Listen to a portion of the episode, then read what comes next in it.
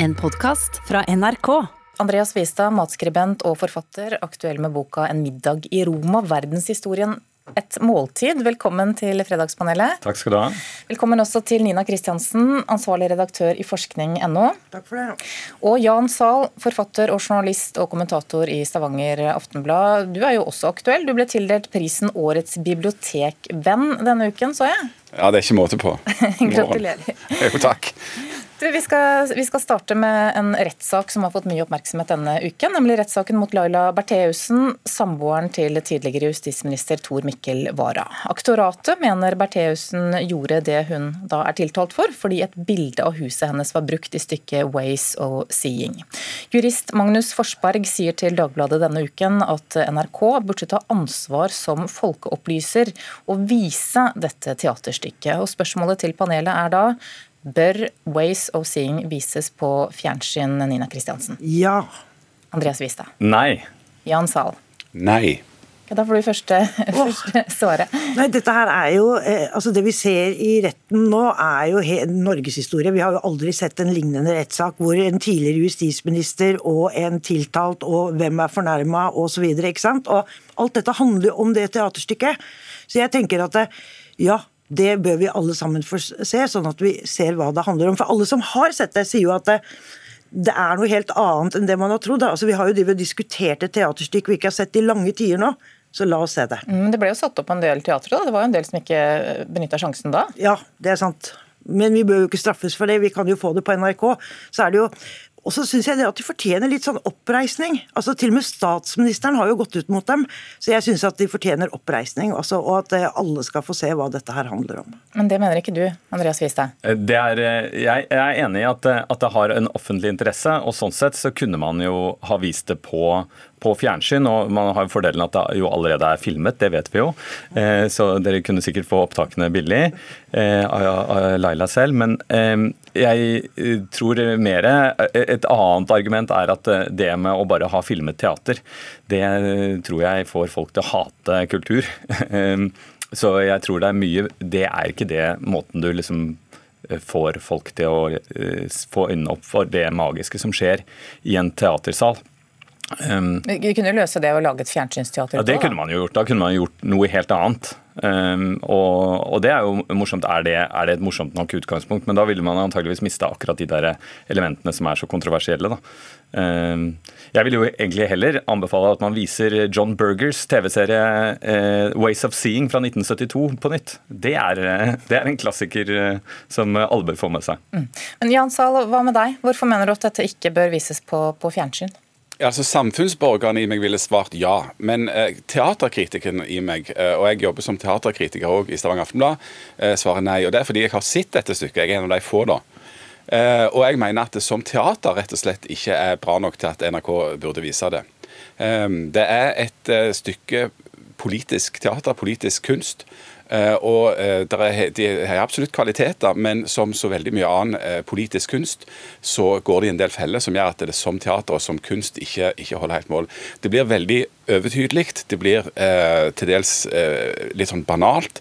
Det er veldig konspirasjonsteoretisk, og det er liksom som eh, en scenisk produksjon så mener jeg at det ikke er eh, så bra at det bør vises på TV. Dessuten så er det sånn, som Andreas viste er litt innom, altså teater er øyeblikkets kunst. Det skal oppleves i en sal eh, framfor en scene. Eh, å drive og filme det, det og sende det på TV. Hvis du vil sende drama på TV, så bør du sende filmer eller TV-serier, ikke filme teater. Ja, eller, eller, tenker jeg i dette tilfellet, hvis man er ute etter politisk teater, politisk kunst og kanskje til og med absurd teater, så burde man jo sende rettssaken. For det, der tror jeg det er mange av oss som, som på en måte tenker åh, hvis vi hadde sett dette, så ville det eh, både tilfredsstilt vår kikkersyke og hatt eh, meget høy eh, pute, putefaktor. Men Nina Kristiansen, kan du være med på å legitimere teatrets metoder på en måte? Dette med å filme huset til folk dersom det blir vist på fjernsyn? Nå har jo de som har sett det, da. Det har jo ikke jeg. Jeg sier jo det at det, det med huset er jo veldig overdrevet. Ikke sant? Altså at det er fordi vi, nettopp fordi at vi har sittet og diskutert et teaterstykke vi ikke har sett, så, så at det ikke er så eh, prominent. Da, og det var litt sånn noe med at det var et feil hus, til og med. Så, men jeg tenker at det å si at ikke, teater ikke egner seg for TV, er litt å fornærme fjernsynsteatret, som jeg har et veldig godt forhold til. særlig som barn. Jeg ble jo glad i teater gjennom fjernsynsteater, så det syns jeg egentlig er bare litt sånn tullete og snobbete. Men jeg tenker at dette her har så stor samfunnsinteresse, og er noe så helt unikt av det som skjer nå, når vi liksom går forbi ga, liksom, altså, det absurde da, i den rettssaken, så er det så mye viktig som skjer. Og det, og det, det bør vi ha mest mulig innsyn i, da. Ok. Vi får se vi skal videre. Talen som den danske programlederen Sofie Linde holdt under komikergallaen i Danmark for et par uker siden, har fått mye oppmerksomhet. Hun snakket bl.a. om sextrakassering, og det har blåst liv i metoo-debatten i Danmark. Den danske avisen Politikken har denne uken trykket et opprop der over 1600 kvinner i dansk mediebransje støtter Linde. Men hun fortalte også om hva som skjedde da hun ba sjefene om høyere lønn for å nærme seg lønnen til kollega Thomas Blockmann. Jeg bad om halvdelen af det, Blackman får. Og fik det ikke. Bare rolig. Altså, jeg bad ikke om en husbåd, jeg bad om en jolle, og jeg fik det ikke. Altså, det jeg prøver at, at sige, det er, at vi kan sagtens lege, at der ikke er forskel på mænd og kvinder i Danmark. Den leg kan vi sagtens lege. Det er bare ikke rigtigt. Det er bare ikke rigtigt. Og kulturministeren i Danmark har nå bedt bl.a. Danmarks Radio og TV 2 der redegjøre for om det er lønnsforskjeller mellom kvinner og menn i den danske mediebransjen. Og Spørsmålet til panelet er burde Abid Raja gjøre det samme her i Norge? Ja. Jan Sahl? Nei. Nei. Ok, Da får du starte, Andreas. Jeg tror at, eh, at, eh, dette er strukturer som ligger, eh, som ligger der, også i Norge. Danmark er jo verstinger i forhold til en del eh, ting rundt likestilling, og de er veldig redd for alt som er sånn politisk korrekt. og Derfor så ender de opp med noen sånne situasjoner. Men jeg tror at vi i Norge har mer enn det. Særlig i det litt sånn uregulerte arbeidslivet, som jo er en stor del av arbeidslivet. Jeg tror ikke det er så, så mye av det i, i sånn fast jobb. Der er det ganske regulert. Men det er jo en stor, det man på amerikansk kaller en gig-økonomi. Eh, og der tror jeg det er veldig de, eh, de spisse albuers eh, som, som, vinner fram, og, og de dype, dype, strukturene. Og Der veit vi rett og slett ikke hva som foregår. Nina Kristiansen, hvorfor ikke? Nei, altså fordi jeg syns det er litt sånn patetisk da, at nå er, sier en komiker i Danmark noe veldig flott og riktig på en galla. Og da våkner politikerne. Men altså, dette her er belagt med tall. Altså. Nå er det lønnsoppgjør i mediebransjen. Og jeg får inn statistikker fra eh, NJ, og, eller Norsk Journalistlag og Mediebedriftenes Landsforening som er kjønna. Ikke sant? Det viser jo hvor mye menn og kvinner tjener. Det fins tall. Lønnsforskjellene mellom kjønna er dokumentert i siden 70-tallet. Så, vi, så, vi, så, vi, så, vi, trenger ikke flere utredninger, vi trenger politisk vilje. Ekte politisk vilje til å gjøre noe med å utjevne forskjellene mellom menn og kvinner, som er der. Ikke mm. sant? Og ikke spesielt ille i mediebransjen, sikkert verre i den litt sånn mer uformelle delen av Eh, underholdningsbransjen, hvor folk blir leid inn. Sikkert verre der, men vi trenger ikke utredning. Vi der trenger... har du ikke tallet, vel? Nei, den... men altså statistisk... Der, der, er det jo helt andre, andre strukturer jo, men som funker. Statistisk sentralbyrå har jo tall over hva under, altså underholdningsbransjen, altså økonomien der også. Så vi trenger masse, masse, masse politisk vilje til å gjøre noe. Ja, Jan Sahl, Dersom uh, Raja gjorde som sin danske kollega da, og fant ut at det var sånn også her, hva kan han eventuelt gjøre med det? Nei, Jeg mener jo at han ikke skal gjøre det. og Jeg beklager at jeg skal si noe ekstremt kjedelig nå. Men det er altså sånn at i Norge så skjer lønnsdannelsen gjennom at partene i arbeidslivet forhandler seg fram til lønn. Det er ikke et politisk spørsmål. Det er ikke noe kulturministeren eller politikerne skal bestemme. Dette er noe partene i arbeidslivet bestemmer. Og partene i arbeidslivet må gjerne se på sine egne statistikker og jobbe for uh, ulike ting når det gjelder lønnsdannelse. Og hvis Raja er interessert i lønnsdannelsen i mediebransjen, så finnes det altså, som Nina eh, sier, eh, veldig god lønnsstatistikk fra NJ som ligger ute på nettet. Det kan alle gå inn og se på hvis de vil. Men det er altså ikke noe som blir politisk bestemt i Norge, hva folk skal ha i lønn. Uh, ja. Og heller ikke når noe går viralt eller blir populært, eller mange skriver under på et eller annet opprop. Nei, Jeg kan være enig i populismen, at den er litt sånn usmakelig ofte. Men altså, det er lønnsforskjeller mellom menn og kvinner. Og politisk sett så kan man gjøre noe med lavtlønnsyrker. Man, man kan ta i bruk politiske virkemidler for å gjøre noe med grupper i samfunnet. Og det interessante er jo hvorfor det er lønnsforskjeller mellom menn og kvinner. Det er jo altså, Likelønnskommisjonen slo fast i 2008 at menn og kvinner har lik lønn. Altså hvis du sammenligner likt arbeid, lik ansiennitet, lik uh, utdannelse. Men hovedforklaringen på uh, ulikheten på, på, lønn mellom kjønn i Norge handler om at menn i stor grad jobber i privat sektor, at menn jobber mer enn kvinner, at kvinner jobber mer deltid, og at de jobber i offentlig sektor. Uh, der er det lavere lønn, men mindre risiko. Her, her, er det jo en uh, veldig stor grad av likhet med, mellom mine medpanelister og, uh, og, politikerne. De tror nemlig at det eneste som fins er fast ansatte mennesker. Og de tror også at at alle mennesker streber mot å bli hva det heter, eh, få sånn yrkesjobb, hvor de går hver dag. Men det er en stor gruppe mennesker som lever i en helt uregulert del av arbeidslivet, og der vet vi nesten ikke hva som eh, skjer. Om man da klarer å rydde opp dersom man avdekker forferdelige forhold, det er en annen sak. Nina Kristiansen svarer veldig kort. Ja, jeg tenker at altså, En sykepleier og en ingeniør har ca. like lang utdanning og tjener veldig forskjellig, og det er kjønna yrker. ikke sant? Sånn at det, det, er en kjønnsforklaring. Det er mange andre forklaringer også, også bl.a. det at noen jobber liksom litt på det løsere arbeidsmarkedet. Men en viktig ting er kjønn, og det har vi visst veldig, veldig lenge. Okay. Vi skal snakke om et program som har gått på fjernsyn denne uken. Folkeopplysningen er i gang med en ny sesong, og på mandag så hadde de en episode om medienes bruk av eksperter. Programleder Andreas Wahl iscenesatte en debatt om skjermbruk i skolen, men en av ekspertene i dette panelet var egentlig en skuespiller. Han fikk vite tema for debatten en halv time før denne startet, og så var da spørsmålet om studentene som fulgte debatten, oppdaget at han egentlig ikke kunne noe spesielt om dette temaet i det hele tatt. Vi skal høre litt hvordan denne skuespilleren hørtes ut da han var ekspert. Vi bruker masse penger i norsk skole på å få en nettbrett, få en datamaskiner. Og så vet vi egentlig ikke hva er effekten, og lærerne vet heller ikke hvordan vi skal bruke det.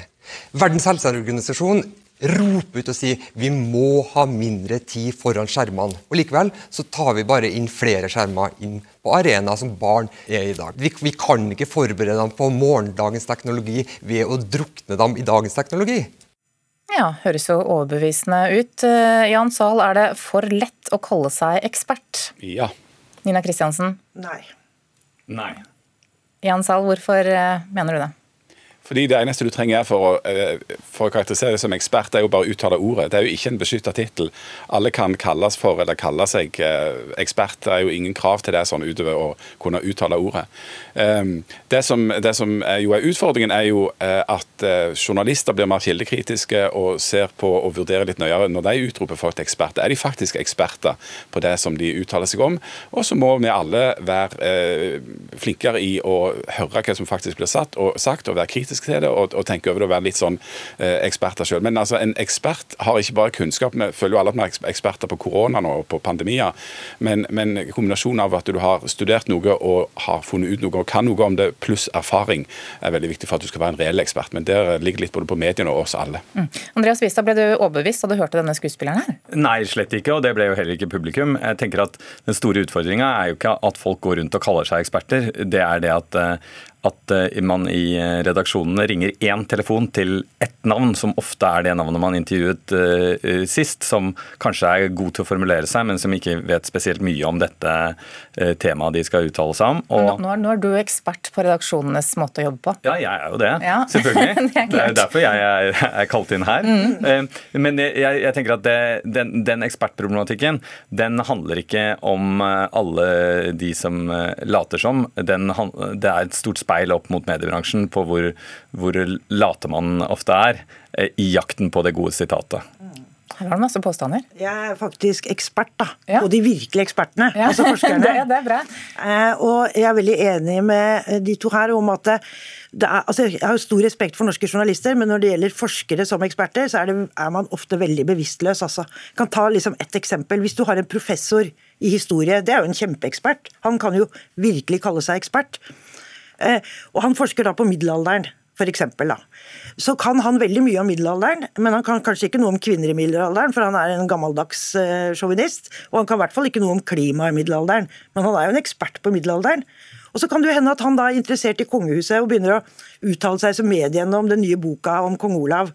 Og da er det veldig ofte at journalister ikke vil stille spørsmål ved hans kompetanse, men han, selv om han da er professor i historie, så kan han ikke noe om kongehuset. Og Det er der det går så feil da, for journalister. At de tar en forsker, og så bare intervjuer de han, og uten å spørre hva har du gjort, hva har du publisert, hva har du forska på.